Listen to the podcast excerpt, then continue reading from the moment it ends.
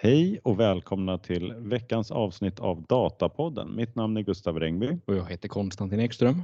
och idag har vi två gäster med oss från Microsoft. Johan och Petter. Välkomna! Tack, så mycket. Tack. Kul att vara här. Verkligen. Mycket roligt. Och vi, vi hade ju Simon här förra veckan och nu kommer ni fortsätta lite grann på den banan här. Det har ju hänt så mycket på, i, från och med bild här också. Exakt. Verkligen. Men först och främst, vilka är ni? Ja, vilka är vi? Eh, vi jobbar på Microsoft som sagt och eh, som tekniska specialister inom Power BI då främst. Och fokus där. Men det betyder ju eh, att vi främst då kör med rådgivning till våra kunder kring ja, de mjuka värdena men även de tekniska värdena då kring och relaterat till Power BI. Eh, Och så kort och gott så handlar det väl helt enkelt om att eh, hjälpa våra största kunder i Sverige att bli datadrivna eh, med hjälp av Power BI helt enkelt. Då. Tycker det var en ganska bra summering och jag har precis samma roll. Och det är som du säger, vi jobbar mot Enterprise-segmentet. Ja, lite kort så. Enterprise, lite större Ex- bolag, Ja, exakt. kan man säga. exakt. Organisationer. Både offentligt och eh, privat. Stämmer. Vi är ingen liksom vertikal så, så vi jobbar mot alla industrier kom, i kommersiella bolag och sen också ja, men kommuner, myndigheter, regioner så, Mm. inom och, offentlig sektor. Ja, jättekul att ha er här. Och Mm. vi, ni har ju en artikel här som ni kommer att dra också tillsammans. Yes. Så det ser vi fram emot. Men vi har några till också som jag och Konstantin kommer att dra. Så vi kör väl igång på en gång. Mm. Och jag har fått äran att börja. Konstantin vägrar köra på. Så jag har en artikel här. Eh, rubriken är Exciting Project Ideas Using Large Language Models for your portfolio. Den här eh, artikeln är från towarddataScience.com. Kom ut 15 maj. Eh, Där man konstaterar att det kan vara bra att ha en liten portfolio när man söker jobb. Och det är inte bara i artistiska arbeten utan även i IT-branschen. Och då kan det vara bra att kanske kunna visa upp att man kan någonting inom de här nya LLM-tekniken då. Alltså Large Language Models. Lang- ja. Large Language, language, Language. Models. Svårt att säga. Eh, och, eh, och här i artikeln så fortsätter man direkt här och listar då tio, tio stycken exempel på vad kan man göra med en sån eh, textmodell då eh, som byggd på neurala nätverk och så vidare, textanalys. Eh, och, och liksom testa för att lära sig lite grann hur man gör och få någonting som man kan visa upp att man har klarat av också. Då. Nummer ett, vi kör på på en gång här så föreslår de att man kan göra en jobbannonsskrivning. Och den här kräver bara lite liksom promptning mot en sån här chatbot eller eh, LLM-chatbot. Då. Där du egentligen eh, säger åt en sån chatbot att eh, skriva och så får du hämta in eh, ja, men skriv ett brev till den här personen eh, för den här rollen så får du klippa in text då från annonsen eh, till det här företaget och jag har den här informationen och så vidare. Jag har den här kunskaperna. Så det är första. De föreslår att man ska ha liksom en färdig modell som man kan skicka ut 100 annonser eh, ungefär. Nummer två. Personlig chatbot. Här konstaterar de att eh, en chatbot är oftast eh, tråkig och opersonlig.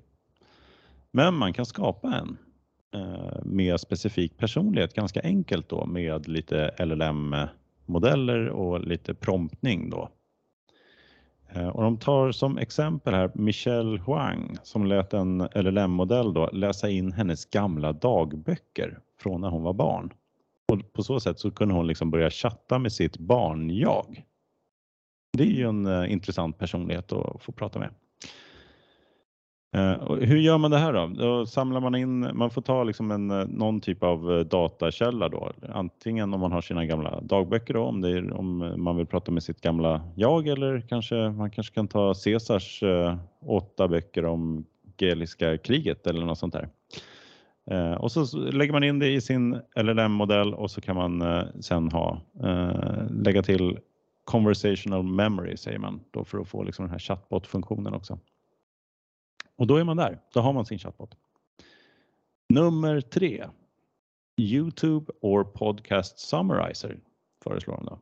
Och då är det alltså att man kan eh, ta en video eller podcast och så transkripten från den och eh, ladda in i dokument så kan man eh, få lite koll på hur, om man har missat något gammalt avsnitt och vill veta var någonstans var det som de nämnde det här eller liknande. Eh, så kan man ta och ladda in all den här datan då, alla skripten in i en eh, textmodell och, och sen kan man börja ställa frågor till den då. Nummer fyra, informationsextrahering. Så eh, säg att du har någon typ av lite mer ostrukturerad data och så vill du få ut liksom någon typ av tabellformat ur det här. Så kan man ta och ge liksom en sån här LLM-modell Eh, exempel på först hur datat ser ut när det är oextraherat och sen det här datat från den här texten vill jag få ut. Och så gör man det ett par gånger och sen kan man låta den extrahera istället då, föreslår de. Så har man byggt sin egen informationsextrahering. Nästa då, nummer fem. Så föreslår de att man kan bygga en enkel webbscraper med sin LLM-motor. Eh, Eh, det är ju så att eh, alla som har byggt en webbscraper vet att det är ganska krångligt att underhålla. Det händer ju saker på hemsidan och så har man byggt den för att den ska hitta någonting bredvid någon viss HTML-tagg eller något och så slutar det funka helt plötsligt. Men det här är ju ett jobb som är perfekt för en LLM istället. Då. För det, den är ju bra på att både liksom att den kan användas för att skriva om en eh, style på en hemsida eller Eh, Eh, ändra språk eller vad som helst föreslår de här. Eh, de stegen man behöver göra det är att scrapa webbsidan som man vill eh, jobba med och sen köra in det då i en sån här LLM-motor då. Och be den att, att strukturera om det. Så det är webbscraping. Nummer sex då. Det är väldigt många här. Orkar ni med några till? Ja, kör. Oh, ja. kör, kör. Ni, jag, jag kör på allihopa så får Mm. vi diskutera sen de här Mm. om det är någon eh, favorit eller så. Eh, nu vänder man om här lite grann och nu är det inte längre LLM-modellen i sig som är fokus utan det är kanske de här eh, när man ska bygga sådana här modeller så tar man ju ofta och skapar upp eh, eh, någon typ av eh, kvantitativ eh, då data som beskriver texten. De kallar det här för en embedding av en text. Och eh, som exempel så kan man då eh, skapa en sökbar databas av alla sina filer genom att man utnyttjar den här eh, embeddingen. Istället för att eh, just utnyttja LLM-tekniken så gör man bara det här försteget när man liksom ska analysera texten. Och så kan man börja söka i sina stora datamängder. Eh, nummer sju Eh, då eh, nästa steg då här kan man väl säga att om man till exempel har då stora datamängder så kan man eh, ta fram och göra det enkelt eh, att, eh, att eh, liksom analysera med och, och, förbereda dem med och få ut de här embeddings-filerna eh, då, kvantifiera sina texter. Och sen kan man också göra så att de är lätta att kanske då göra så att man kan chatta med dem också och ställa frågor till dem. Köra in det i en LLM då i slutändan. De ger som exempel här att man ska göra det på sin källkod på något projekt. Det är lite spännande. Eh, åttan. Du kan klustra dina dokument in till olika typer av ämnen då. Så om man har en stor mängd data eh, eller olika dokument så kör man dem på, på en massa, eh, tar man fram de här embeddings Alltså man kvantifierar sina dokument i en massa olika då kvantifierbara fält som en dator lätt kan eh, läsa och förstå och utnyttja. Så använder man det på en, en grupperingsalgoritm. En grupperingsalgoritm är ju en sån algoritm som liksom bara delar upp saker och ting i, ja men de här verkar ha med varandra att göra, de här verkar ha med varandra att göra. Så man får ett antal högar Eh, och så då har du egentligen då skapat liksom en möjlighet att, eh, att hitta olika då ämnen eller olika dokument som har med varandra att göra. Eh, och ja, de föreslår här att man ska göra det då för att kategorisera ämnen på, från en podcast till exempel. Så det skulle ni alla kunna göra på Datapoddens data. Så skulle ni kunna hitta vilka ämnen som vi har pratat om här. Så det kan ju vara lite spännande. Och så har vi nian, klassificera inquiries. Så då har de idén här om att man ska klassificera syften med ett e-mail eller vilken typ av ärende som man har fått in på sin e-mail då i, eh, i sin verksamhet. Eh, och då är det bara att ladda in alla sina dokument. Man tar fram den här, eh, liksom kvantifierar varje dokument med och liksom köra dem för att få en sån här embeddingsfil. Eller embeddingsrad i någon typ av matris. Och sen så kör man in den här embeddingen då i en klassificeringsalgoritm. Och så säger man den här typen av, eh, eh står det, de här e-mailerna får man väl ge ett par exempel då också. Det här var ett eh, säljmail och det här var ett eh, spam eller vad det nu kan vara. Eh, så kan man bygga sin egen klassificering, kanske sätta upp och använda på sina e-mails. Nummer 10 då. Då säger de här att eh, då ska man göra någonting lite mer komplext. Testa använda bildanalys med tjänsten Segment Anything föreslår de. Väldigt specifikt. Eh, och då är det för att hitta då, den här tjänsten ska vara bra på att hitta eh, liksom vad som helst inom en bild. Så man ska kunna ange den att försöka leta efter olika objekt då i en bild. Det var egentligen hela artikeln. Mm. Mm. Snyggt. Är det, vilka gillar ni av de här? Många. Mm. Och jag tror att, jag tycker att vissa av de här, till exempel du snackade om den här Classifying Inquiries, jag tror det var nummer nio. Mm. Det där är någonting som jag tror kommer bli hur stort som helst. Alltså oavsett om saker kommer in i ljud eller om det finns redan existerande dokument. Men just att kunna liksom klassificera i, vad skulle det kunna vara? Det kan vara ärenden inom försäkringsbranschen till exempel. Mm. Alltså att bara att få bort sånt manuellt arbete. Det, det, jag har redan hört om att det är på väg, men det är någonting som kommer bli väldigt, väldigt stort framåt. Eh, det är bara hoppas att det paketeras på ett lätt sätt också. Ja, det är lite jobbigt om man ska behöva liksom göra det. Varje person ska behöva bygga sitt eget här som de ja. föreslår här. Men det, det här är ju en gammal teknik. Just den delen är ju ganska gammal. Liksom. Ja. Det är ju den gamla spam klassificeringen är ju just en sån ja. egentligen. Eh, så att eh, det finns ju från tidigare, men det kanske får lite extra fart i det nu med LLM-teknik också. Mm. Jag tänker också typ så här, om du har en bildbank. Mm. Då kan man ju så, historiskt sett ha fått förlita sig på de manuella taggarna som den som la in den en gång i tiden tyckte att men det här är på den här bilden visas en boll och det är en pojke på bilden och det är en vägkant någonstans ute i ödemarken. Alltså, men nu kan man, ju, kan man faktiskt söka efter helt andra beskrivningar. Så kan man, så man kan, kan få fram eh, ja, men det man faktiskt söker efter. Och även ja, om man söker med andra termer än det som faktiskt finns där. Mm. Ja, bara, generellt sett så tycker jag att det här med hela med LLM, jag tycker att det är, det är ett spännande område för att bilden jag, för det första så går det såklart att använda både till liksom privatbruk, alltså göra ditt liv som privatperson smidigare. Men känslan jag har fått är att alltså person, beslutsfattare inom en organisation har ganska lätt att ta till sig vad man kan använda det till. Eh, det kanske egentligen är lättare för en beslutsfattare att förstå, okej okay, men vi har massa dokument, vi skulle kunna göra det här med det. Jämfört med att Microsoft släpper en ny teknisk plattform. För det kanske egentligen är viktigare för en teknisk person. Men det, det tycker jag är intressant med det här, just att det blir ganska affärsnära dialoger generellt. För det är sådana tydliga flaskhalsar i en verksamhet som ja, det är lätt att se mm. egentligen utkomsten. Ja, nej, men det är ju det här att komma från insikt till handling mycket snabbare ja. eh, också. Eh, att inte behöva förstå tekniken, eh, men jag kan i princip skriva precis vad det är jag vill få ut här. Mm. Och så tar liksom den här modellen hand om det åt dig. Mm. Eh, och det kommer ju generera mycket tidsvinster och så vidare. Mm. Så att, mm. Ja, verkligen. Det var lite spännande den här med dataextrakten också, för det var ju inte bara ta fram en exempelkod utan detta var ju faktiskt att den skulle göra extraktet också.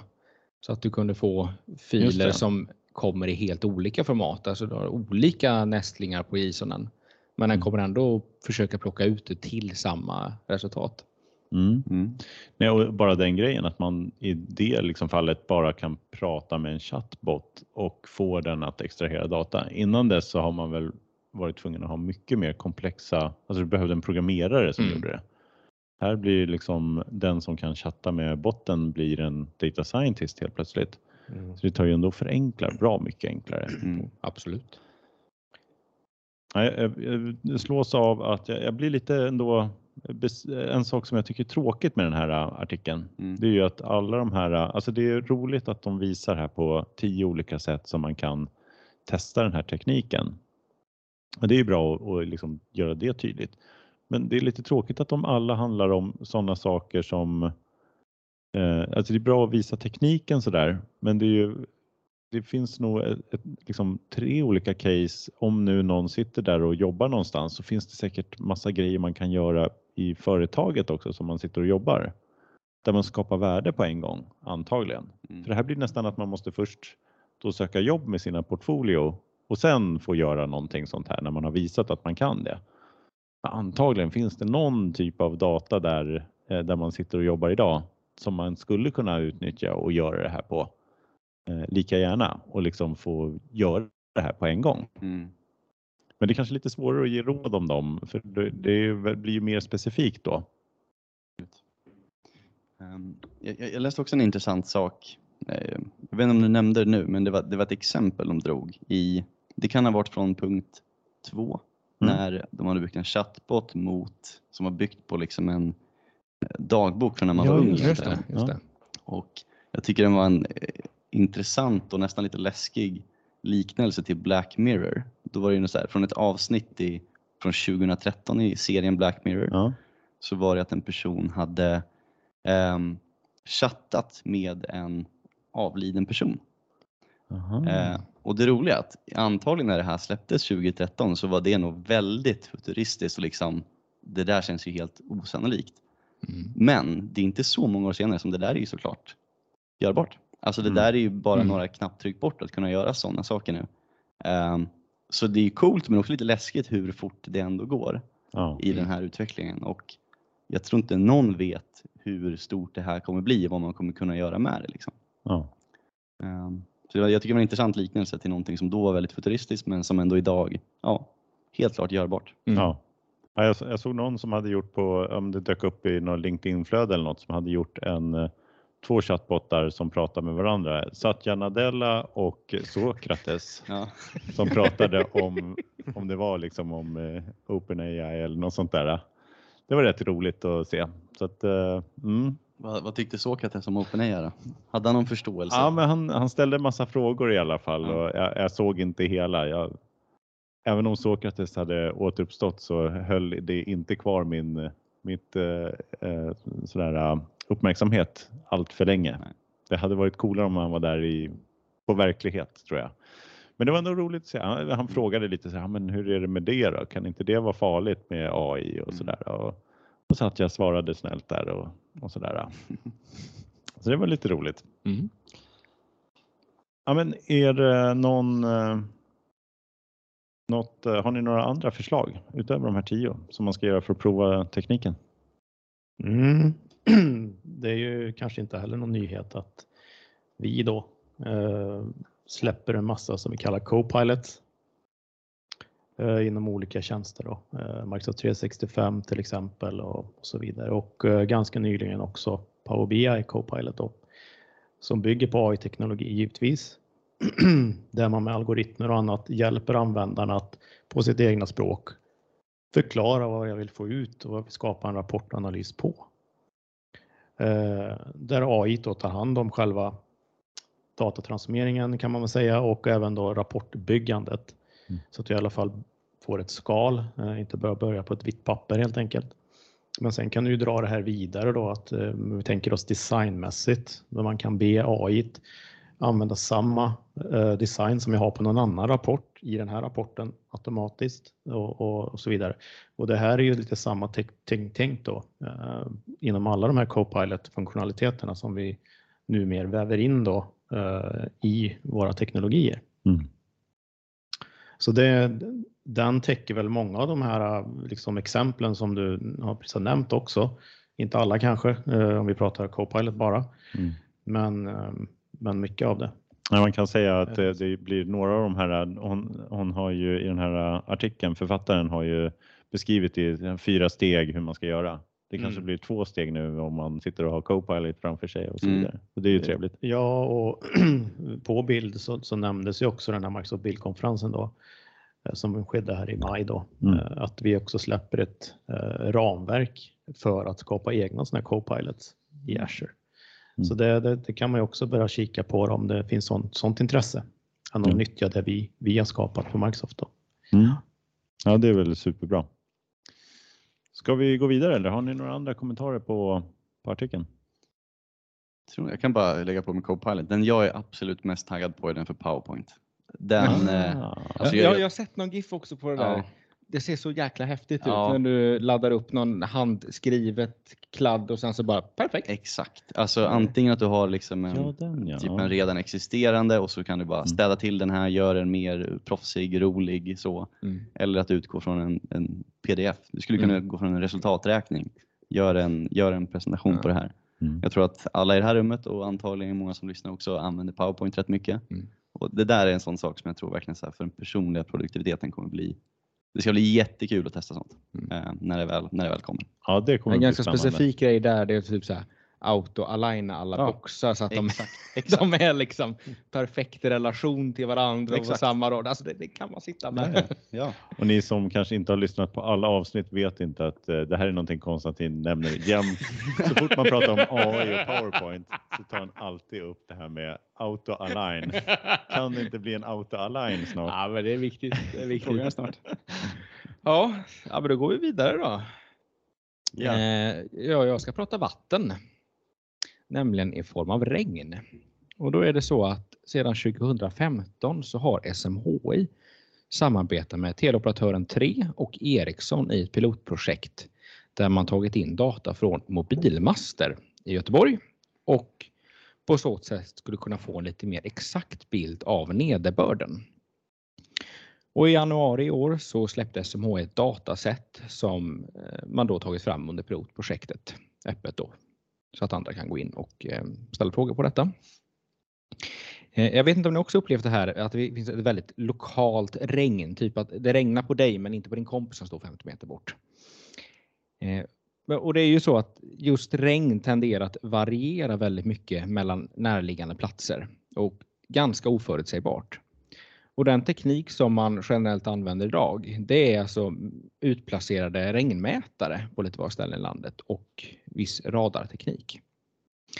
Men så för ungefär 15 år sedan så kom eh, forskare, jag tror det var i Israel och Nederländerna, som kom fram till att eh, eftersom signalerna mellan mobilmasterna dämpas av regn så kan den dämpningen användas då för att förstå hur mycket regn som faller. Och detta ville då SMHI eh, i sitt pilotprojekt då testa i praktiken. Så en fördel var ju med det här då att det blir ungefär 10 gånger högre upplösning eftersom det är data från både fler platser och mer frekvent uppdatering. Det handlar alltså då om uppdatering om regn var tionde sekund. Så det är ganska mycket data, många datapunkter. Så hur skulle då denna data kunna användas då på ett bättre sätt? Då? Och ett fall var ju att förstå eh, hur det regn som föll på en plats för fem minuter sedan kan påverka ett annat ställe en timme senare. Alternativt man kompletterar då vädermodeller eh, för att på sikt kunna ge bättre prognoser. Men ett annat case är också att bättre förstå var det finns risk för översvämning och då med lite bättre precision. Så då undrar ni kanske varför tar jag upp detta? Eh, och det, det som jag tyckte var lite kul här, det var just tankeställaren att det finns så stor potential att använda data för helt andra ändamål än vad man ursprungligen eh, samlade in den för. Ehm, och tittar man liksom inom ett bolag så, så kan man ju göra övningar och fundera på om det finns alternativa användningsområden för den data som man redan samlar in. Och ehm, Sen kan det nästan bli ännu mer spännande om man lyckas identifiera data som kan användbart utanför bolaget. Samlar man in högkvalitet, kan man identifiera att här har vi liksom ett dataset som är högkvalitativ data. Ja, men då kan det ju finnas intressenter som till och med är beredda att betala för att få tillgång till den här. Som kanske har ett helt annat eh, användningsområde eller use case för just den här datan. Eh, Och då talar vi ju verkligen om data som en tillgång på riktigt. Mm. Ja, det är riktigt spännande. Jag tycker, det här är ett väldigt bra exempel på liksom, man, eh, vi var ju iväg på Data Innovation Summit här precis. Mm. Så man brukar prata om datainnovation. Mm. Hur det liksom uppstår helt nya möjligheter Mm. när man råkar mäta saker. Ja, precis. Det är en intressant eh, del i den här eh, ny, nyheten får man väl säga. Mm. Bra exempel. Mm. Men jag, jag tycker det du sa det var lite samma sak som jag tänkte på själv. Att så här, I det här fallet, de har samlat in data av en anledning. Men vi inser i slutändan att det kan användas till något helt annat på kanske, som ger ännu mer värde. Och det här är också, jag tror både jag och Johan när vi, liksom, när vi jobbar med våra kunder, att så här, vi är väldigt starka förespråkare av att när du jobbar med data, du måste våga testa ganska fort för att se vad du kan göra med det. Alltså blir det en för teoretisk övning, det är, det är svårt att gissa sig till vad exakt det kommer ge för värde i slutändan Mm. och vem som kommer dra nytta av det. Ehm, så jag, tycker jag tycker det rimmar ganska bra med hur jag personligen tycker att man, man bör arbeta med data. Mm. Ehm, jag, tycker, jag tycker det var jätteintressant. Ja, verkligen. Ja, Jag, jag tror jag nämnt det förut, men jag tyckte det var en bra liknelse också som eh, jag tror det eh, en av våra konsulter sa att en av våra kunder sa. Så det är en lång, det börjar bli ett långt, jag, jag kanske bara ska säga att det är en kompis till mig som sa det. Men eh, så att eh, ja, men, liksom jobba med sin data så där, det är lite som att gå in i ett mörkt rum med en ficklampa. Mm. Hur man liksom lyser och så, man ser inte hela rummet utan man Nej. måste gå runt och liksom, det är väldigt explorativt. Mm, Liksom. exakt. Och så, men vänta, vad är det där? Liksom. Så får man gå in och så får man lysa runt där och kika vad det kan vara.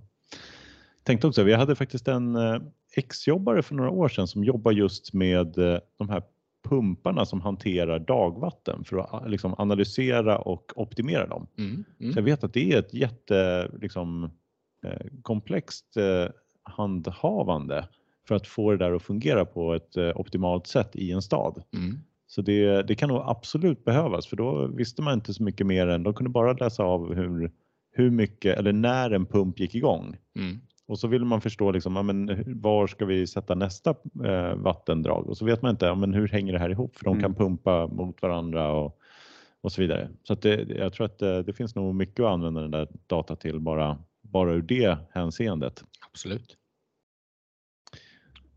Ja, nej, jag tänker haka väl på det där lite, att just det här med övervattning eller vad man kallar Mm. det för, att man vattnar för mycket. Eh, och då kan ju sådana här prognoser eller den här typen av data faktiskt eh, ge dig mer information och insikt i att jag inte behöver vattna nu för det ska börja regna om. Mm. Eller, historiskt sett så har det regnat nu Mm. varje gång Mm. i princip. Mm. Så, att, så att man kan ju hitta sådana där effekter, bieffekter av det, eller vad man ska kalla det för, eh, för att spara pengar också framförallt. Mm. Det finns ju sådana positiva effekter också. Mm. Sen kanske man inte har så nytta av det i Göteborg för där regnar det väl jämt ändå. Mm, jo, det är sant. Det är sant. Men till alla andra Men- kommuner i Sverige. Ja precis, till alla andra kommuner kan det väl vara nyttigt. Nej det kanske man inte får säga. Nu, nu fick vi några som inte vill lyssna på oss mer här. Förlåt.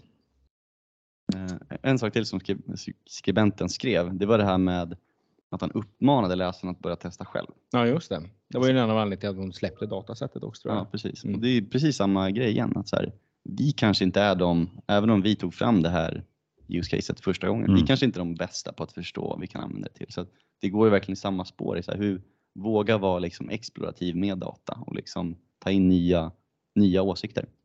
Precis, lägg upp det i OneLaken Exakt. så kan några andra också få jobba med det. Exakt. Ja, och det här med självbetjäning som du är inne lite på Ja. kanske där nu är ju, är ju en tydlig trend ju, eh, inom verksamheter för att komma mer fortare från insikt till handling också. Eh, så, så att göra data tillgängligt är ju en nyckel i det eh, till alla. För att precis som du säger Petter så, så kanske inte jag kan dra rätt analys av det datat, vad det ska vara användbart till, men det kanske det verksamheten här borta kan Mm. göra Mm. och ser en otrolig vinst i det.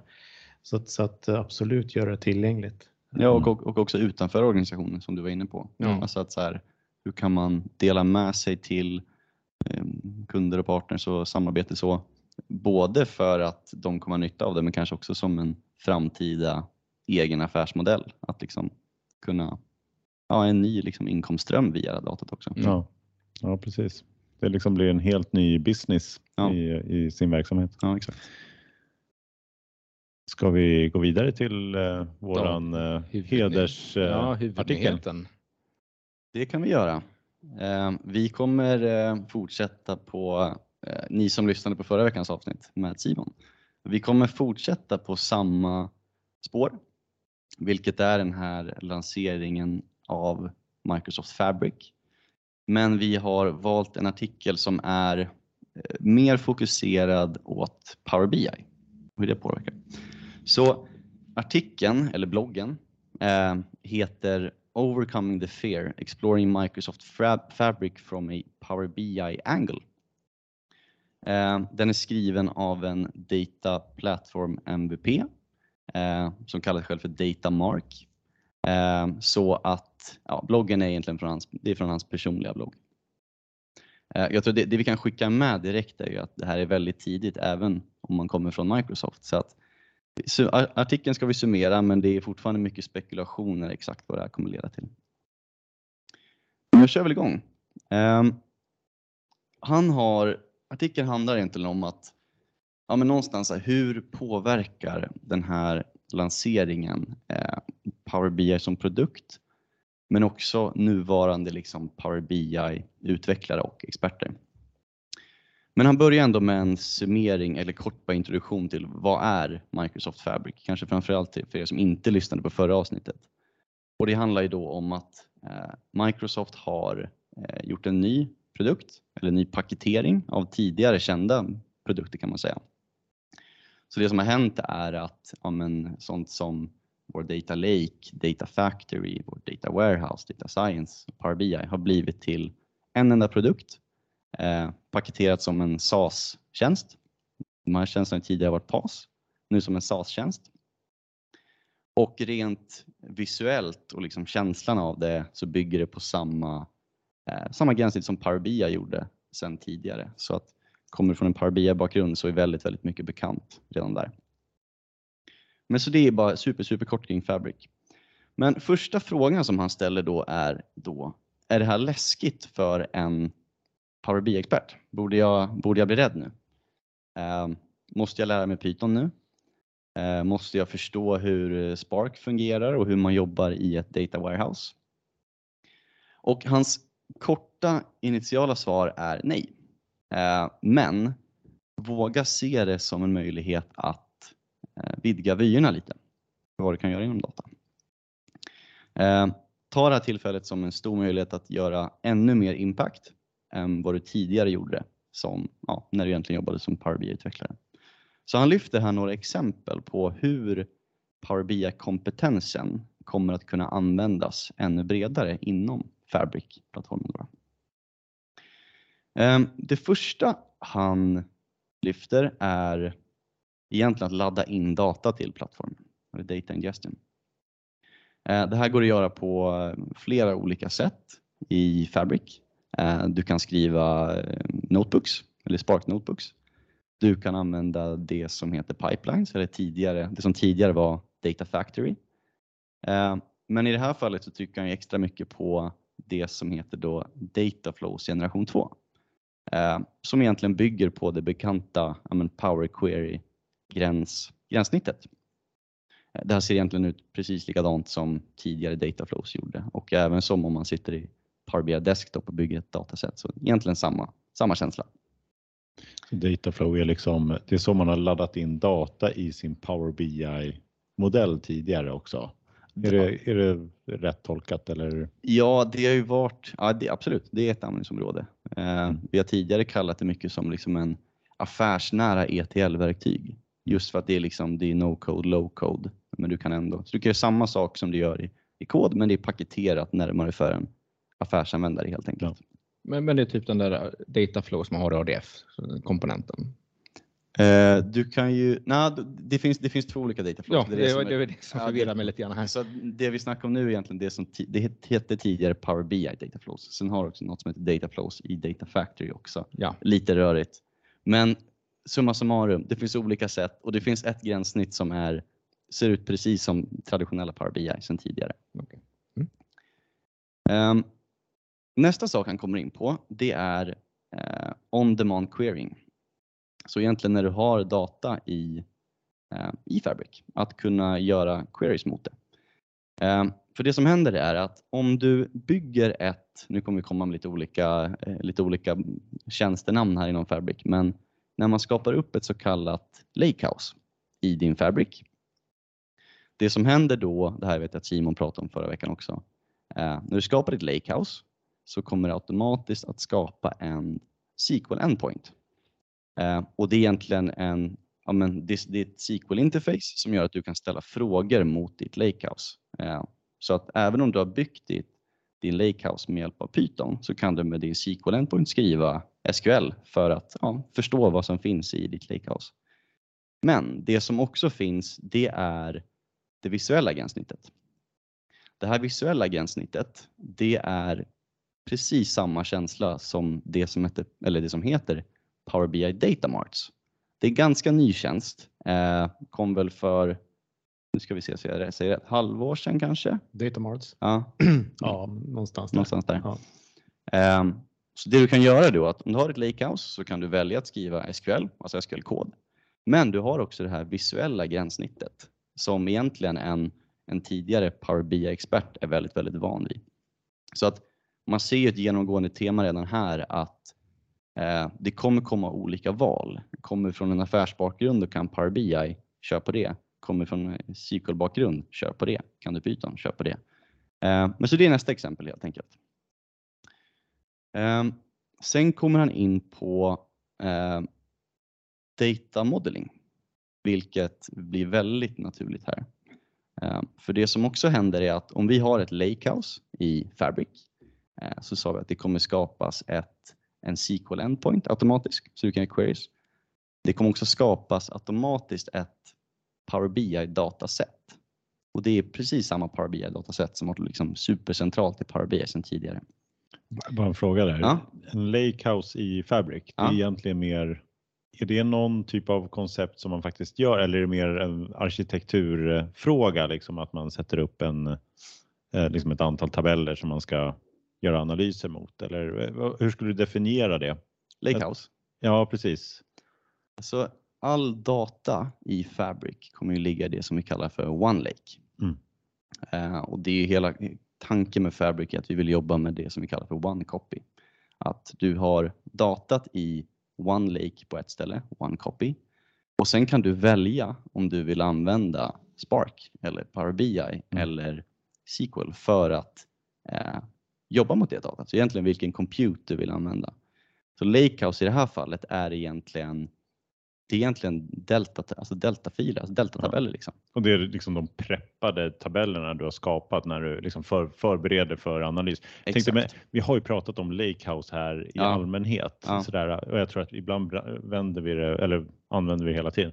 Jag tänkte bara för att vara tydliga, om Ja. det är någon som lyssnar som inte har koll på det så, får vi, så nu, har, nu har vi nämnt det i alla fall. Ja, men det är bra. För, förlåt eh, Petter, du får fortsätta. Nej, nej, nej, det är ingen Och- fara. Det är jättebra. Ehm, nej, men som sagt, jättebra. Mot vårt, så egentligen efter vårt lakehouse så skapas det automatiskt ett dataset. Och det här datasättet då vill vi ju modellera. Ehm, och återigen, det här är precis samma upplevelse som tidigare i Power BI. Har du byggt ett dataset i Power BI Desktop så är det precis samma interface nu fast uppe i, liksom i, i Fabric-tjänsten. Um, ehm, och sen det sista han nämner är visualisering av data och det blir också väldigt naturligt. Där är egentligen precis samma upplevelse som tidigare. Så man ser ju här att egentligen, det här är ju en ganska bred plattform, eller en väldigt bred plattform. Men ehm, egentligen inom alla delar så finns det en del som är no code low code som egentligen är väldigt likt, likt Power BI. Då då. Eh, sammanfattningsvis då, då eh, så tror Mark att vi kommer att se, ja, men som en följd av det här, så tror han att vi kommer se ett närmare samarbete mellan eh, data engineers, eh, data scientists och BI-utvecklare eller Power BI-experter. Eh, både för att man sitter inom samma, du sitter inom samma miljö, inom samma SAS-lösning, eh, men också för att du kommer få en ökad synlighet och en förståelse för vad de andra rollerna gör. Tidigare som Power BI-utvecklare kan du nog ha varit ganska isolerad. Du kanske haft dålig förståelse för ja, men vad gör egentligen vår data engineer innan jag får min dataprodukt levererad till mig så jag kan göra Power BI-delarna. Men här så tror Mark att man kommer få en bättre, ett bättre möjlighet att samarbeta helt enkelt. Och en bättre förståelse för varandra. Um, så det är också en uppmaning jag skickar med till organisationer att ja, men när ni börjar kika på den här plattformen, eh, gör en strategi eller prata om egentligen hur, såklart vilka tekniska vägval ska vi göra, men också hur säkrar vi ett bra samarbete mellan de här olika typerna av rollerna eller som i Fairby kallas personas. Eh, och till sist så ska han svara på sin initiala fråga. Eh, måste man vara rädd om man är en Power BI-utvecklare? Och hans svar är nej, du behöver inte vara rädd. Uh, du som sitter med kompetens inom Power BI behöver verkligen inte vara orolig. Han menar att du, det är tvärtom. Uh, din kompetens inom Power BI kommer vara, kommer vara viktigare än, än någonsin. Och det var det. Det är väl lite skönt att höra också. Verkligen. Vi som är i analysbranschen här. Mm. Det finns jobb kvar i alla fall. Det gör det sannerligen. Låter snarare som det är tvärtom. Det blir mer. Ja, jag, Ja. jag tror ju liksom om reflektion sådär, eh, att, att de som faktiskt är experter, Mm. antingen inom administration eller utveckling i Power BI, kommer ju ha ett väldigt stort försprång Ja. ändå. För att i och med att Fabric som helhet, SAS-lösning, ko- ligger ju på Power BI-plattformen integrerat så att man har ju en hög igenkänningsfaktor till att börja med Mm. för att hitta saker och ting. Sen så förstår man väl att det finns eh, trösklar för att liksom förstå de här olika eh, workloadsen då, som, som Mm. faktiskt in, innefattas i, i Fabric. Mm. Men, men det finns ju också, som Petter var inne på, eh, vilket vägval ska vi ta? Ska vi göra det kodmässigt via Spark eller Notebooks eller ska vi göra via Dataflows via ett GUI-baserat no-code, low-code gränssnitt och så. så att det finns ju många av de ehm, fördelarna här och jag, jag tror också som Petter var inne på eller som Mark var inne på att vi kommer nog förmodligen se ett mer agilt tätare samarbete just för att eh, komma från insikt som jag varit inne på några gånger till handling mycket, Mm. mycket snabbare. För att oftast eh, historiskt sett då, eh, utan att och liksom gå för djupt i det, men från att man liksom vill ha någon form av insikt ute i verksamheten så kanske man lägger en beställning på det och det kan ju ta veckor, månader innan man kanske får det Mm. av olika anledningar. Men, att, men, men jag tror att här har vi ju en helt annan time to market möjlighet med den här typen av SAS-lösning. Då. Det är i alla fall vad jag tror nu, eh, utan att ha liksom sett det. Men, men jag skulle tro att det är så. Mm. Men, eh, jag, satt och tänkte på, jag tror faktiskt vi pratade om det förra veckan och fick svar på det också. Men det står, jag ska prata om one query, alltså att Power BI, då, du laddar inte in ditt dataset till Power BI utan det är de filerna som ligger där. Så att du, Ja, det var Live Lake va? Direct Lake. Direct Lake. Direct, ja, exakt. inte one query utan direct, direct Det är mycket lake. one, Det är men mycket- inte det. Ja, ja, men, Ja. nästan rätt. Så att, Men eh, du, liksom, du behöver inte ladda in det utan det är faktiskt det det är. Så att har du skapat ditt dataset med Python eller sådär, Mm. då är det det som du ställer frågorna mot direkt. Så att säga. Exakt. precis. Ja, det, det är ett nytt. Tidigare egentligen, du har ju haft import. Där Mm. har du kunnat liksom, då har du dragit en dump av ditt data in till Power BI. Mm. Eller så är det det som heter Direct Query, men nu har vi då introducerat den här nya som heter Direct Lake. Där liksom motorn har blivit optimiserad för att, eller optimerad för att kunna jobba mot, mot liksom deltatabeller. Mm. Eh, Så motorn har fått lära sig, lära sig det helt enkelt. Mm. Men då innebär detta att då borde man kunna få, eller kan man få liksom lineage då, även på kolonnivå, hela vägen från liksom första filen och så hela vägen egentligen inne på BI. Det är målsättningen i alla fall. Ja, Jag vågar knappt svara vad som, exakt vad som finns idag, men Nej. lin, Lineage är såklart en väldigt hög prio att kunna Det, ge det. det. Fan, finns ju eh, idag och, och sådär så att jag misstänker att man kommer att mm. göra det ännu bättre. Mm. Ja, det finns någon som är inne i Fabric ska det finnas lite Ja. lineage Ja. eh, funktionaliteter. Precis. Du har det ju i, i Purview idag, alltså Microsoft det. Purview, datakatalogen och sen har du det inbyggt i Power BI också. Så, Ja. så det beror ju på liksom. eh, Mm. man. Men jag, en annan sak som inte heller nämns så mycket i den här artikeln kring Mark då, Mm. Datamark, Mm. jag vågar inte ut, uttrycka hans efternamn insåg vi för det var något holländskt va? Ja. Det kan ju bli fel.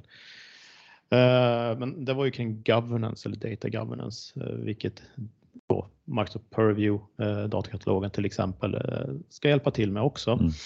Men, men vi har ju en kollega inom produktgruppen som heter Matthew Roche. Jag vet inte om det är ett känt namn, men en väldigt kompetent herre i alla fall som har mycket bra idéer tycker vi.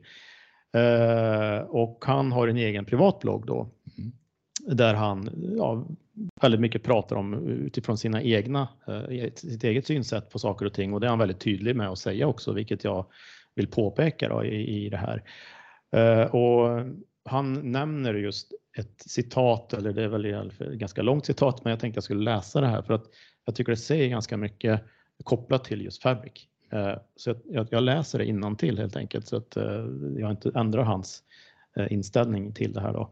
Och då är det så här att när du ändrar fokus på din governance till att mer handla om att möjliggöra korrekt användning av data kan Fabric hjälpa då data i OneLake kan granskas och monitoreras, för det här är inbyggt helt enkelt då. Med samma verktyg och teknik som du använder idag för andra objekt i din Power BI-miljö. Så där kommer vi tillbaka till Power BI-experten lite grann mm. då, som, som kan det här idag. Detta är en nyckelförmåga hos Fabric. Data i Fabric kan därför ge en mer tillförlitlig förståelse än med data i allmänhet på grund av den nya SAS-paketeringen som det här då är.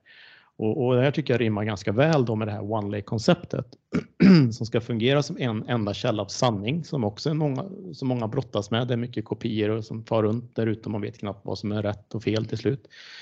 Uh, och en, en, um, en data lake då för hela organisationen och en, en kopia av datat som kan användas av multipla analysmotorer som du var inne på Petter också lite grann där.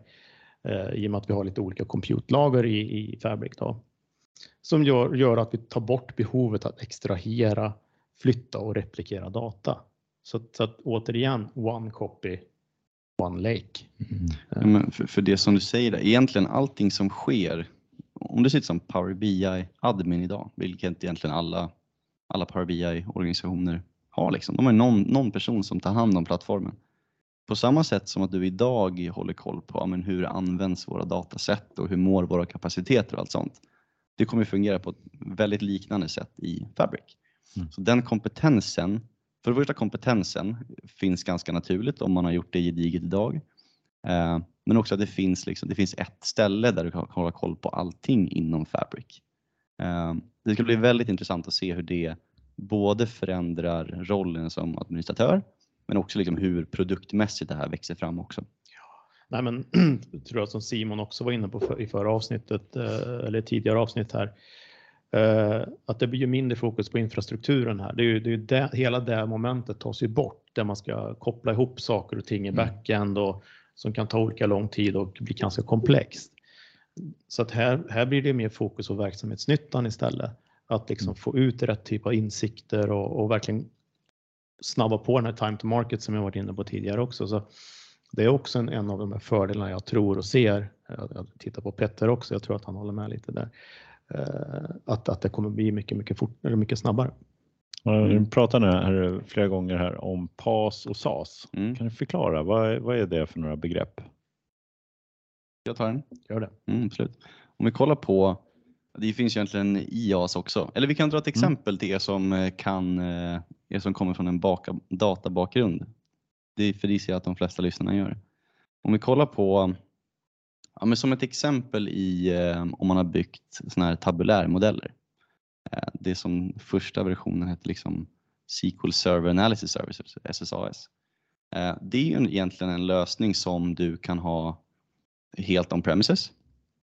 Eh, sen kan du ha en sån eh, du kan ha en sån tabulärmodell hostad på en virtuell maskin, då någonting kallas för Infrastructure as a Services, IaaS.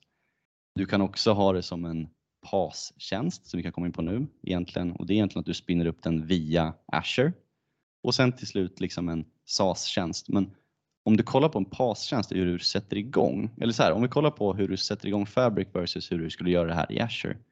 Så att i Fabric så behöver du inte eh, välja en subscription, du behöver inte välja på samma sätt vilken resursgrupp. Du behöver inte jobba med nätverk på samma sätt. Du behöver inte jobba med ja, men hur jobbar vi på liksom, eh, hur replikerar vi data och sådana saker. Det är sånt som en SAS-tjänst tar hand om åt dig. Eh, till skillnad från en PAS-tjänst helt enkelt. Tycker att det var ett bra svar på frågan? Ja, men jättebra. Det är bra. Jag tror att vi brukar väl nämna de här. Alltså, Ja. Det är lika bra. Det är någon som kanske lyssnar som inte har hört dem förut. Ja, men det är jättebra. Jag tänkte Microsoft Purview. Det är ju Mm. en, eh, ett data governance-verktyg i, i Azure också för att liksom hålla koll på sina datamängder och, och kunna eh, ja, hantera dem på ett bra sätt. Är det en PAS-tjänst eller en SAS-tjänst? Det blir Jag blev bara lite nyfiken här. Ja, men jag blir nästan förvirrad. Vad, vad kallar vi det ens? Eh, jag vågar knappt svara på om vi kallar det för SAS eller PAS. Den är i alla fall inte JAS får man säga. Nej, det är det ju inte. Det Det- är inte JAS, nej det var. Eh, Nej, men med tanke på att det är ju också en sån lösning där du inte behöver hantera de här grundläggande infrastrukturgrejerna. Det känns som det ligger närmare åt Ja, men SAS. det i är därför jag, jag vill inte säga Ja. att det är SAS, men jag hade Nej, gissat på det- SAS. nej, det, det, det går ju mer åt konfiguration snarare Ja, än att exakt. du sätter upp Ja, tjänster. Då, så att, Ja. ja. jag håller nog med den. Och den är ju liksom en egen produkt och Ja. allting står för sig själv. För de här liksom gör en databas till exempel, då blir det Ja, PAS. För ja, den, är exakt. liksom, den måste konfigureras med en massa andra saker och Mm. infrastruktur. Ja, och sen så står ju faktiskt alltså har två ben. Det ena är ju compliance-benet och det andra är ju datakatalogen eller data governance-delen kan man säga. Så att det är ju, allting går under samma paraply eller samma namn fast Ja. Ska du berätta lite, vad, vad är skillnaden på, eller de två benen? Vad, vad är inom compliance-delen? Ja, det, det pratar vi oftast om, eh, security labeling, eh, där, Ja. där du liksom sätter en etikett på ditt, ditt content och talar om om det här är ja, highly confidential, confidential och så sätter du upp en form av policyramverk bakom. Vad betyder det att det är highly confidential? Jag kan inte vidarebefordra externt etc. Och de här kan du då antingen autolabla eh, Mm. då eller så manuell labeling då. Och det, här, det här är väl till och med liksom ihopkopplat med Office också? Så Det är det. exakt. det, är det. Och, och sen en tid tillbaka så har den varit integrerad med Power BI också. Mm. Eh, men sen kan du få den här end-to-end labeling eh, vad ska man säga, upplevelsen också med eh, Purview, datakatalogen, där du, Ja. där du styr din labeling från datakällan som sen ärvs ut ända ut till rapporten till exempel då, automatiskt så att inte användaren behöver fundera så mycket. Mm. Eh, men sen har du ju då eh, den andra sidan med data governance då, och datakatalogen och, och de delarna där. Mm. Ja men det var bra. Jag, eh, sorry, jag drar iväg här åt alla Nej, nej, möjliga gör det. Det är bra. områden här. Det är bra. Eh, Den här författaren, han är ju lite stressad här låter det lite så här att han måste lära sig att bli data engineer helt plötsligt. Mm. Eller kanske till och med lite Python. Det är Mm. både lite stressande och lite äggande liksom. Spännande. Har ni fått liknande funde- funderingar nu här från att eh, nu har ju ändå Fabric varit igång någon vecka eller så. Mm. Eh, Har ni fått, är det andra som har uttryckt liknande eh, funderingar?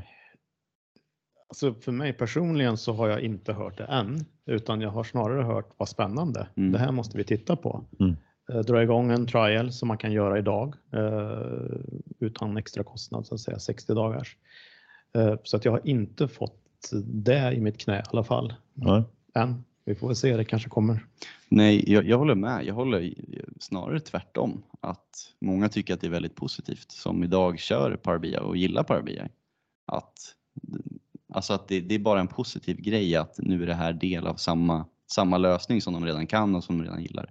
Mm. Eh, Men det är klart den där frågan kommer dyka upp, säkert. Eh, Alltså det är klart, det är mycket nya koncept, det är mycket att lära sig. Och lite som Mark börjar bloggen med, att så här, många kommer att ställa sig frågan, okej, måste jag lära mig allt det här nu? Ja. Men en data engineer kommer fortsätta vara en data engineer antagligen och en data scientist kommer fortsätta vara det. Ja, det ligger väl lite i våran, liksom, överhuvudtaget våran bransch att Ja. saker och ting ändras hela tiden. Ja. Så det finns alltid en liten stress att man måste lära sig lite nya grejer också. Ja, innan det landar bra eh, och sådär. Mm. Sjunker in liksom. Så, så att, eh, ja. Men du Johan, du var ju inne här lite grann på Copilot innan. För att Mm. det, han missar ju nämna Copilot i den här artikeln här. Och, eh, och det är ju ändå en intressant del får man säga. Den dök upp som en kommentar såg jag. I slutet av artikeln så var det någon som hade sagt, men du, du har ju glömt hur påverkar Copilot Power BI-utvecklaren? Så frågan är, hur gör det? Och nu Mm. när han missar det så Mm. Ja, nej, men jag kan, du kan få eh, fylla i sen Petter, men det jag tror ju att det kanske kommer bli mer fokus på datakvalitet, eh, alltså det som ligger till bakgrund för att jag ska kunna bli kreativ med hjälp av Copilot-stödet för att skapa upp mina insikter. Mm. Det, det kommer alltid finnas där och man kommer kunna lägga mer fokus på det kanske. Än att liksom sitta och skräddarsy massa snygga rapporter. För det kommer Copilot kunna hjälpa dig med. Eh, sen så får man ju faktiskt ta Copilot AI överlag, men liksom en, ser det som en, en hjälp, ett stöd snarare att jag ska lita till 100% på det jag faktiskt får ut. Så man måste ju dubbelkolla lite och kolla att det här verkligen stämmer med siffrorna och så där. Så att, men det gör ju ändå att du kommer från, återigen, insikt till handling extremt mycket fortare. Mm. Kanske bara sekunder eller minuter i, i bästa fall. Va? Eh, så, att, så att ja, och Copilot kommer ju även till Fabric också, eh, konceptet. Mm. Så att man kommer ju kunna få mycket hjälp där om man ja, inte är en data engineer säger vi, eller något mm. sånt, utan då kanske man kan ta hjälp av Copilot för att göra vissa saker också i, i Fabric. Då. Uh, ja, men jag vet inte om du Petter har något ytterligare? Nej, men till att börja med kanske vi bara ska upprepa vad Copilot faktiskt var för någonting. Alla Bra kanske inte... Du, ja. jag, jag har ställt alla de här dumma frågorna. Ja, jag tänkte att den skulle komma så jag fyller på själv. ja, det är bra. men alltså, av det, man har inte kunnat se jättemycket om det här än. Det här är väldigt nytt. Det här är inte ens i private preview än. Så det är, en bit kvar till det här. Men det man kan se är ju egentligen att eh, när du bygger en rapport, alltså det visuella i en rapport, att du kommer kunna ställa frågor till den. Eh, både ställa frågor, ja men säg att du har ett dataset med HR-data säger vi. Då kommer du kunna ställa frågor, ja men jag vill få eh, snitt anställningstiden, vad har vi för ålder, jada, jada. vad du nu vill se för någonting. Så kommer den kunna ge dig liksom en, ja, men en draft på en rapport. Eh, och du kommer kunna säga att ja, men den här redan färdiga rapporten, den var snygg. Och så skulle du kommer kunna säga till Copilot, kan inte du designa min rapport jag bygger nu som den här som vi redan har? Um, så det är väl några av dem. Alltså, men jag tror att det är viktigt det, det är en co-pilot. Mm. vi vet ju inte exakt vad det här kommer ta vägen. Jag tror inte det kommer ersätta en frontendutvecklare, verkligen inte. Men jag tror att det kommer kunna effektiv, effektivisera mycket både för en, en riktig utvecklare men kanske framförallt för en affärsanvändare mm. som inte Eh, som inte kan Power BI. Bara ge någonting och liksom, som jag kan börja med så jag kan förstå ja, men hur, hur kommer jag igång och sen kan jag göra justeringarna själv. Mm. Just den delen att skapa en rapport idag finns ju redan som det kallas för autocreate då. Eh, nu har jag inget bra svenskt eh, ord för det, men där du kan. Jag vill bygga en rapport baserat på det här datasättet i Power BI.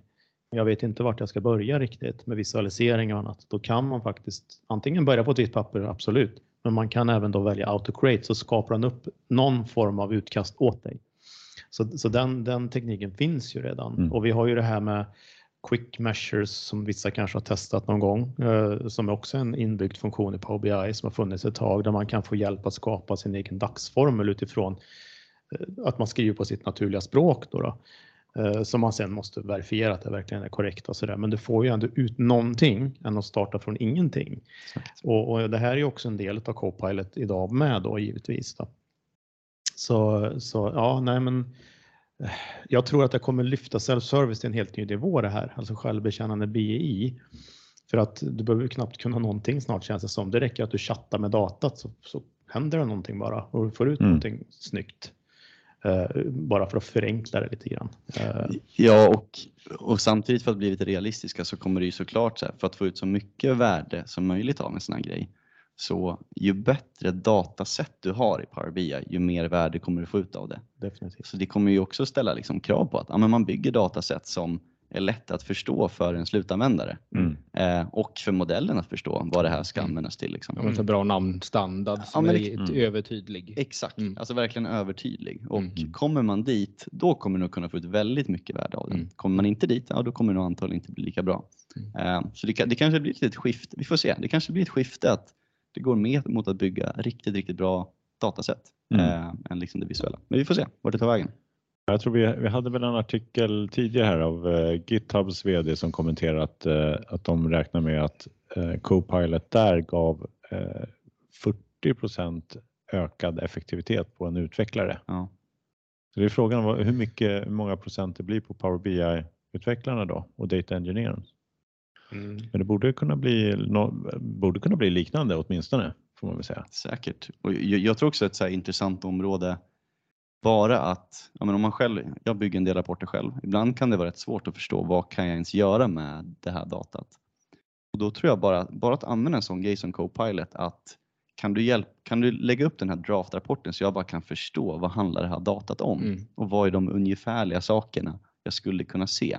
Sen kanske inte ens jag använder mig av den, jag kanske kastar bort den, men den kommer ändå hjälpa mig att liksom förstå datat bättre också. Mm. Mm. Det är också en intressant aspekt som vi lär få se mycket av. När det här Ja, återigen få upp insikter som du inte kanske trodde Ja, fanns exakt, där ja, exakt. eh, som exempel. Mm. Så det, ja. Om, vi, om vi går vidare då, lite grann kring data engineern och data scientisten. Hur förändras deras värld här i Fabric med Copilot? Skulle ni säga? Är det något specifikt för dem också? Eh, Alltså det kommer ju bli en, alltså det är ett nytt verktyg. Det är liksom, det är en ny, det är en ny plattform.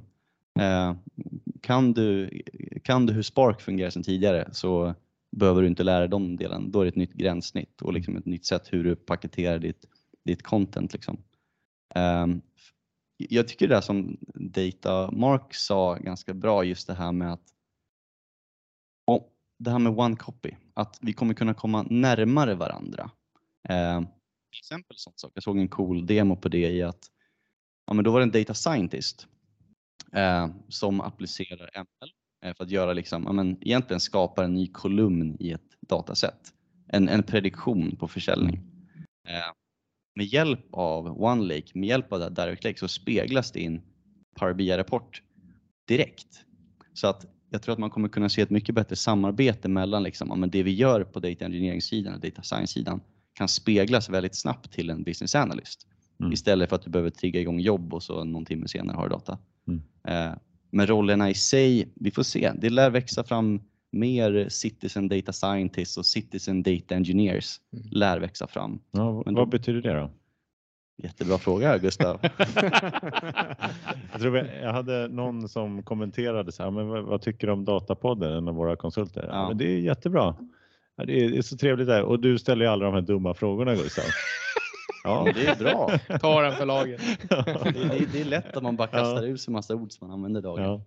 Ja. Alltså, ci- citizen, du, du kan ju vara en citizen eh, applikationsutvecklare också, men någonstans här, citizen data scientist som jag ser det är att Mm. du är inte en heltids data scientist. Nej. Du Nej. tillhör antagligen någon domän eller geografi, geografi och du drar nytta av liksom low code, no code verktyg Exakt. för att göra det affärsnära liksom, data Ja. scientist. Ja, men ta Dataflow som exempel. Då, Exakt. där det blir ett GUI-baserat gränssnitt med low code, no code istället Mm. för att sitta i Spark eller Precis. Notebooks och, och koda. Det är väl där någonstans man säger då när vi lägger till ett citizen Ja. innan.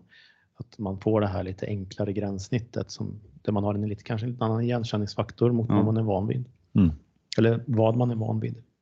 ja, just det. Ja, nu eh, kommer en till jobbig fråga. Mm. Spark nämner vi här flera gånger. Spark. Mm.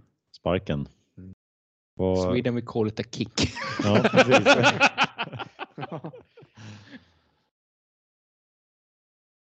Vill ni förklara? Vad, vad är det?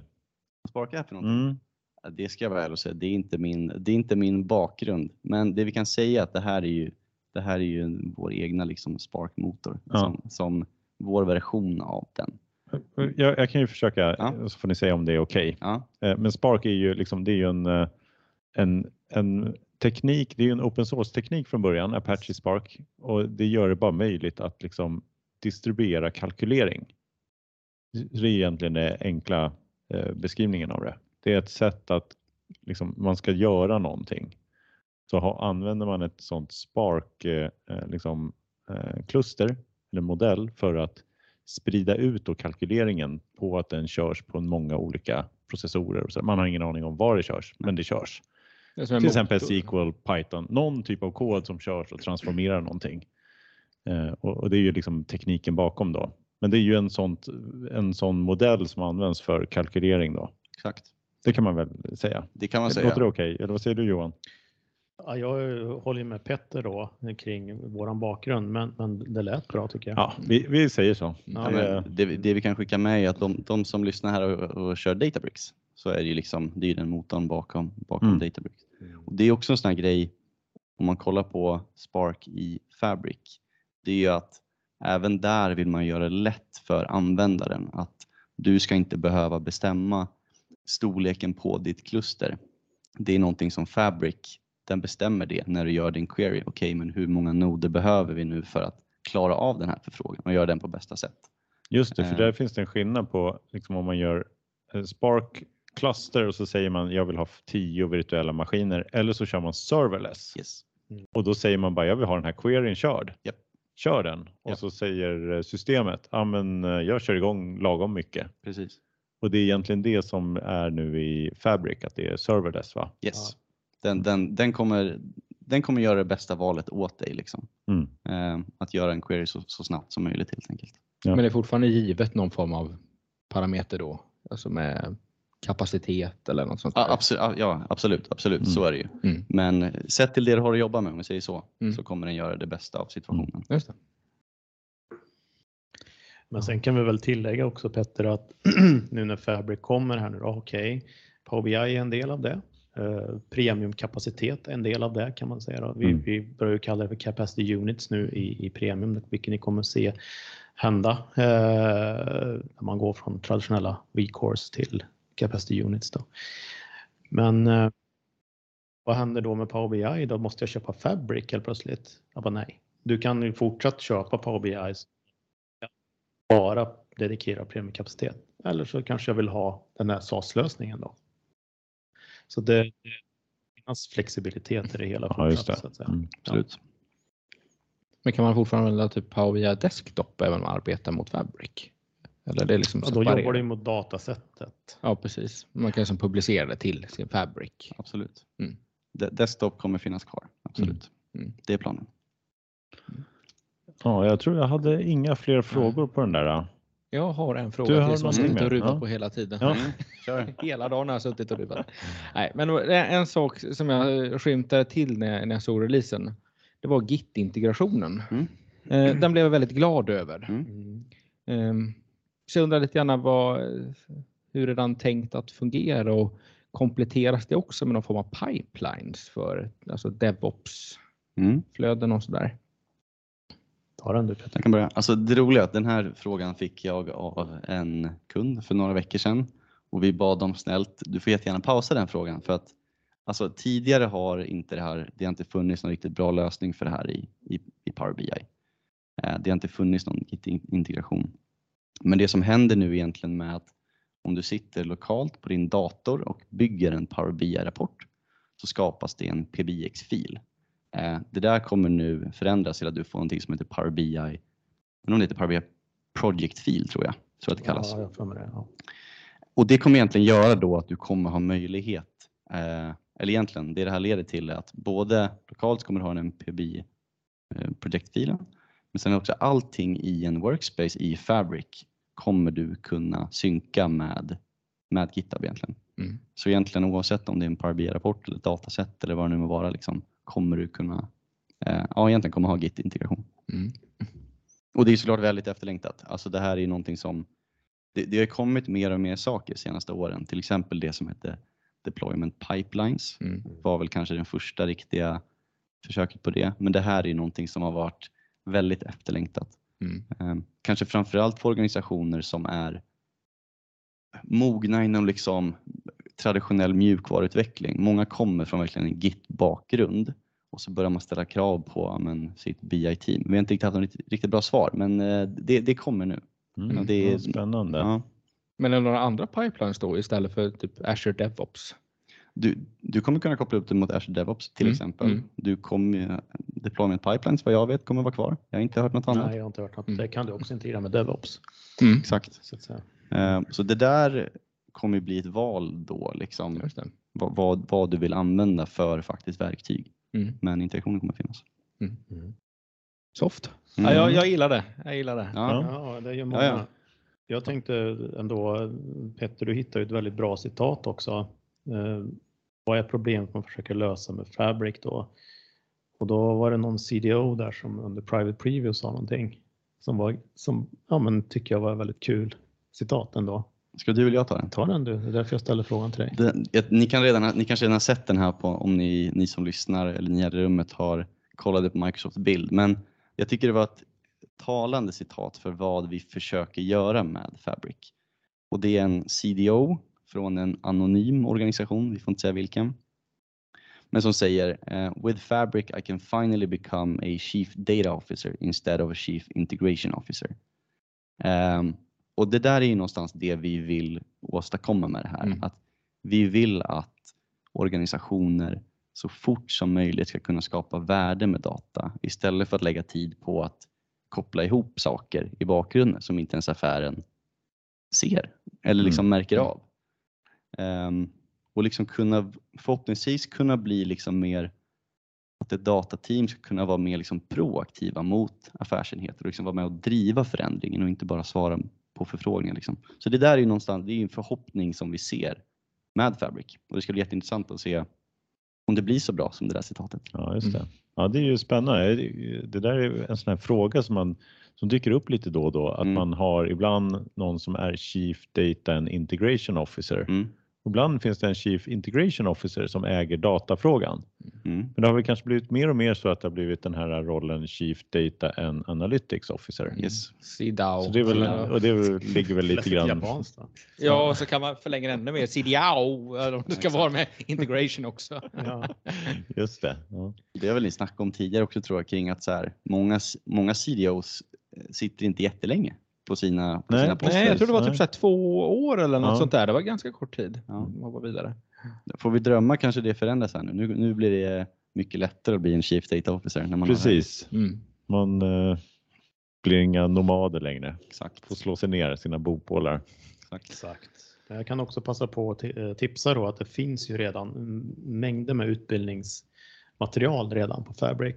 Om man vill eh, faktiskt testa lite fast man inte vet var man ska börja kanske. Både på Microsoft Learn som är en stor källa av här självlärande moduler. Där har vi, jag tror 11 stycken moduler nu som ligger för, eh, för, för Fabric. Och sen har vi någon Fabric för Power BI users och en end-to-end tutorial då för Fabric.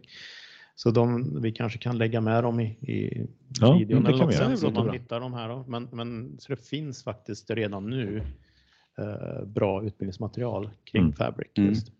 Men om man kör Power BI, vad behöver man göra för att testa? För att komma För igång att komma med igång Fabric. med Fabric? Ja, det slår man på via Power BI Admin Center så har man en liten reglage som man eh, enablar då, eller eh, aktiverar. Eh, och sen kan man då styra om det här ska gälla för hela organisationen, vilket kanske man inte vill om man gör det i en produktionstenant. Eller så kan man styra på AD-gruppsnivå då, om det kanske bara är ett par, tre stycken som ska få För tillgång. admin måste, måste göra någonting. Ja. Så om man är användare så får man gå och prata med sin admin och säga nu måste du slå på det. Exakt. Ja. Ja. Men, Ja. Precis, och det, är, det där är också någonting sånt som vi kanske inte kom in på nu. Det var just det där att det som tidigare var en Power BI admin heter ju nu Fabric admin. Mm. Ja, så nu är det ju en Fabric admin som får slå, den, slå på den knappen. Man har fått en ny titel här Exakt. också. Ja, det Exakt. kommer ske nu under juni i alla fall så har man inte sett det än i sin tenant så kommer det ändras under juni månad. Ja, spännande. Nu har vi, det här blev en eh, lång eh, joggrunda om ni är ute och joggar och lyssnar på podd. Men eh, jag hoppas att ni inte har blivit helt utmattade nu. Men det blev nog över en timme idag i alla fall och det, och det är ju så kul att ha er på besök. Ja, Så, superkul. Mm, vad roligt att vara här. Men, Jättekul att vara här. ni hedrar oss med er närvaro här. Så vi är väldigt glada att ni kom. Och jag tackar ju för på eh, och alla våra lyssnares vägar också. Att ni har eh, varit med här och spridit lite ytterligare lite information bland all eh, missinformation här som annars dyker upp. Självklart, det var nyheter på vår sida. Det var kul. Mm. Toppen, då tackar vi för idag. Ses igen nästa vecka. Hej då! Hej då. Hej då.